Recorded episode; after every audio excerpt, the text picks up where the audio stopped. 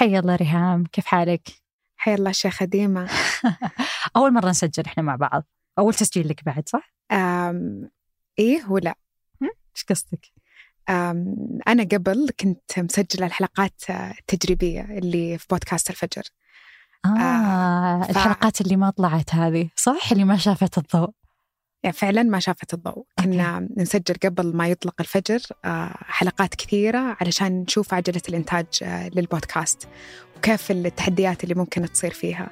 فتقنيا هذه أول حلقة أسجلها. وتنشر. إن شاء الله يعني راح تنشر. أوكي أجل عودا حميدا. هذا بودكاست الفجر من ثمانية. بودكاست فجر كل يوم نسرد لكم فيه سياق الأخبار اللي تهمكم. معكم أنا ريهام الزعيبي. وأنا ديما العامر. في الخبر الأول اليوم أرقام جديدة واستثنائية لشركة الطيران الاقتصادي الأيرلندية راين إير وفي الخبر الثاني إطلاق البنك الفيدرالي الأمريكي لخدمة المدفوعات الفورية.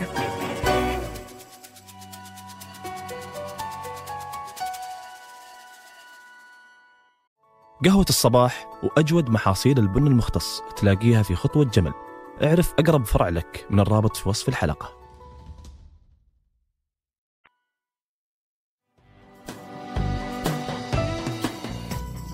اليوم يفضل كثير من الناس خصوصا الشباب والمسافرين لحالهم إنهم يسافرون على طيران اقتصادي.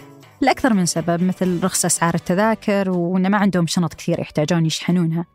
ومن أبرز شركات الطيران اللي قدمت نموذج مثالي للطيران الاقتصادي هي الشركة الأيرلندية راين إير اللي حققت أرباح قياسية في الربع الثاني من هالسنة بأرباح تعدت 700 مليون دولار واللي هي أكثر بأربع أضعاف من أرباح نفس الفترة بس في السنة الماضية. Well, now to the skies above Europe. Ryanair, the continent's biggest airline, has just reported after-tax profits of 663 million euro. وهالشركة اللي تأسست 1984 ما كانت أول شركة طيران اقتصادي في العالم، لكنها كانت الأولى في أوروبا والأكثر نجاح عالميا في الطيران الاقتصادي مع شركات أوروبية ثانية. لكن الانطلاقة الكبيرة للشركة كانت بعد أحداث 11 سبتمبر. Today, our fellow citizens, our way of life, our very freedom came under attack in a series of deliberate and deadly terrorist acts. وقتها كانت شركات الطيران تعاني وبعضها كان قريب من الإفلاس لكن Ryanair خذت طريق مختلف لأنها شافت فرصة كبيرة وسط كل هذه الظروف فطلبت من بوينغ أكثر من 150 طيارة جديدة من نوع 737 بأسعار رخيصة ومن ذاك الوقت توسعت في وجهاتها لين وصلت لأكثر من 200 وجهة حول أوروبا والعالم لكن بالنسبة لنموذج الطيران الاقتصادي فهو ببساطة أن أي شيء ممكن يكون مكلف على شركة الطيران يا أنهم يقللون من تكلفته أو يتخلصون منه إذا مو ضروري. وبكذا تقل التكلفة على الناقل ويقدر يبيع تذاكر بأسعار تنافسية. فمثلا الطيارات بدل ما تتنوع الشركة في أسطولها تصير تعتمد على نوع واحد أو اثنين من الطيارات.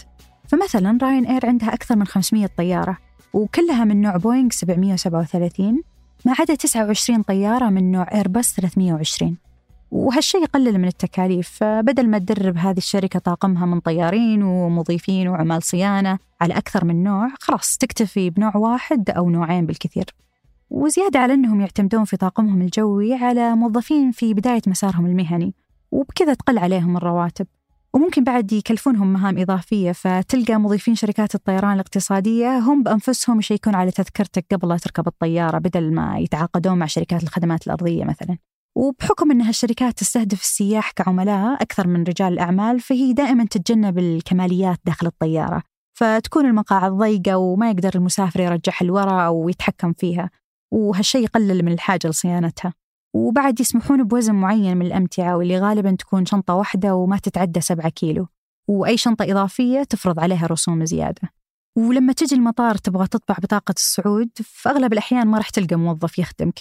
فهالشركات تعتمد على الأتمتة لهذه المهام وبطاقة الصعود تصير أنت تطبعها بنفسك عن طريق الأجهزة الآلية. ونفس الشيء للوجبات والمشروبات اللي ما تكون ببلاش. زيادة على أن معظم شركات الطيران الاقتصادي تعتبر مثل المتاجر الجوية. فممكن مثلا تبيع منتجات السوق الحرة وبعضها يروح أبعد من كذا مثل راين إير اللي يبيع تذاكر اليانصيب للركاب. لكن بالنسبة للمطارات فشركات الطيران الاقتصادي تعتمد دائما على المطارات اللي تكون بعيدة عن المدن وحركة الطيران فيها تكون أقل من المطارات الرئيسية لأن بتكون فيها رسوم الإقلاع والهبوط وحتى ركن الطيارات بيكون أرخص بكثير من المطارات الرئيسية. فمثلا لندن يخدمها ست مطارات والمطار الرئيسي هو هيثرو لكن ما راح تلقى شركات الطيران الاقتصادي تهبط فيه. فبدل هيثرو تهبط في مطارات فرعية تكون غالبا برا المدينة. وإن كانت المدينة ما فيها إلا مطار رئيسي واحد تركز هالشركات على أوقات الإقلاع. فتختار الأوقات اللي تكون فيها حركة الطيران أقل وتشكن الفنادق يصير غير متوفر مثلا آخر الليل أو الفجر. وبالرغم من أن أوروبا ما كانت الأولى بفكرة الطيران الاقتصادي إلا أنها كانت النموذج الأنجح. ففي أمريكا بدأت الفكرة سنة 1971 مع طيران ساوث ويست الأمريكي But there is one company that's unique. Dallas-based Southwest Airlines is not only a leader in on-time performance and safety, it tries to make flying fun. وبالسعودية في أكثر من تجربة للطيران الاقتصادي مثل طيران أديل وغيرها بس ما كانت مثل نجاح التجربة بأوروبا وورا هالشيء أكثر من سبب مثل أن أغلب المدن ما فيها إلا مطار واحد يخدم كل أنواع خطوط الطيران الاقتصادية والعادية فما تقدر خطوط الطيران الاقتصادية أنها تستفيد من أسعار أقل بمطارات أبعد. زيادة على تأثير الكثافة السكانية فأوروبا فيها 700 مليون شخص في ثاني أصغر قارة بالعالم. وهالشيء يخلي كفاءة الطيران الاقتصادي أعلى بكثير من لو أنه كان بدولة الكثافة فيها أقل والمدن متباعدة مثل أمريكا والسعودية. وبأوروبا تحديدا وقعت دول الاتحاد الأوروبي على اتفاقية المنطقة الجوية المشتركة. واللي مثلا خلت راين إير الأيرلندية تقدر تسوي رحلة بين إيطاليا وإسبانيا بدون ما تحتاج توقف بأيرلندا مثل ما يصير في باقي دول العالم مع باقي شركات الطيران. وعموما النتائج اللي حققتها راين إير تجي مع تحسن أرباح ملحوظ بعد باقي شركات الطيران بالعالم اللي تعافت عملياتها من آثار كورونا ووصلت حتى الأرقام أعلى من قبل الجائحة. بالذات أن التقديرات تقول أن أعداد المسافرين حول العالم بتكمل تنمو وتزيد بالفترة الجاية وبترتفع من 4 مليار مسافر بالسنة بآخر تقديرات 2023 لأكثر من الضعف اللي هو 8.2 مليار بعد سبع سنين من اليوم في 2030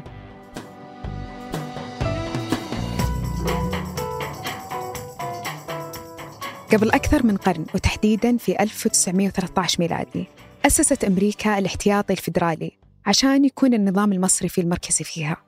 وصار جهة مستقلة مو بتابعة لأي جهة من السلطات الثلاثة بأمريكا اللي هي الرئيس وسلطته التنفيذية أو الكونغرس وسلطته التشريعية أو المحاكم والسلطة القضائية for an institution with multiple branches, which became in part the model for the decentralized structure of the Federal Reserve System.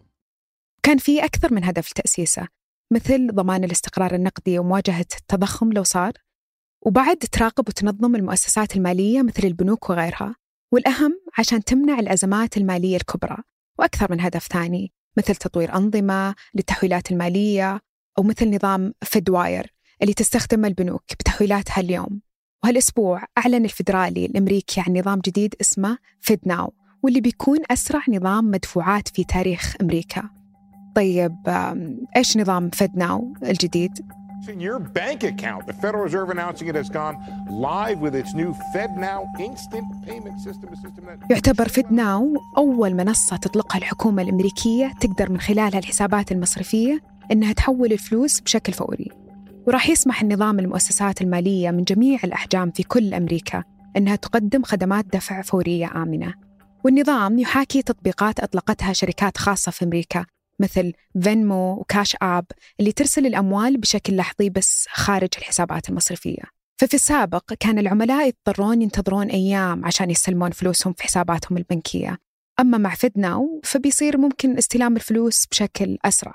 فمن خلال النظام راح يقدرون الناس أنهم يسوون تحويلات فورية لمبالغ تتجاوز 500 ألف دولار سواء من الموقع أو من تطبيقات الجوال. ولكن يبقى هذا الرقم أقل بكثير من متوسط المعاملات. اللي تتجاوز خمسة ملايين دولار تقريبا في نظام تحويل الأموال القديم في دواير ورغم مكانة الاقتصاد الأمريكي اللي يعتبر أكبر اقتصاد في العالم إلا أنها تعتبر من أكثر الدول المتأخرة بالتحويلات الفورية. فدول مختلفة مثل بريطانيا والهند والسعودية وغيرهم عندهم من فترات طويلة أنظمة تحويل داخلية فورية. لكن تتوقع الإدارة الأمريكية الحالية أن الخدمة الجديدة بتفرق كثير مع كل مكونات الاقتصاد. من شركات وأفراد وغيرهم لأنها بتسرع استلام رواتبهم أو حتى التحويلات البسيطة بينهم.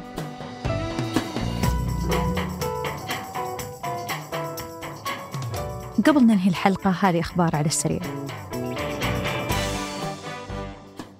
في دراسة جديدة لأعراض كورونا اكتشف باحثين في جامعة كينغز كولج بلندن بعد دراسة شملت خمسة ألاف من المصابين بكورونا سابقاً.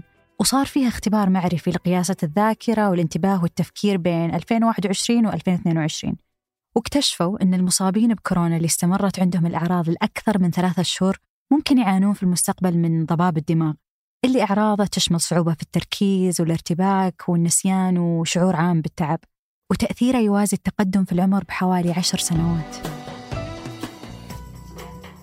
وفي آخر مؤشرات أداء الطيران بالسعودية انقلت الخطوط السعودية بالنصف الأول هالسنة أكثر من 13 مليون مسافر سواء للوجهات الداخلية أو الخارجية. ويعتبر هالرقم أعلى ب 24% عن أداء الخطوط السنة اللي راحت بنفس الفترة. وكانت نسبة التزامها بالمواعيد خلال هالفترة في حدود 86% وتقريبا نفس الشيء مع طيران الناس. اللي انقلت خمسة ملايين مسافر واللي هم تقريبا 40% من عدد المسافرين بالخطوط السعودية. ويعتبر هالرقم أعلى ب 26% عن أدائها السنة اللي راحت بنفس الفترة.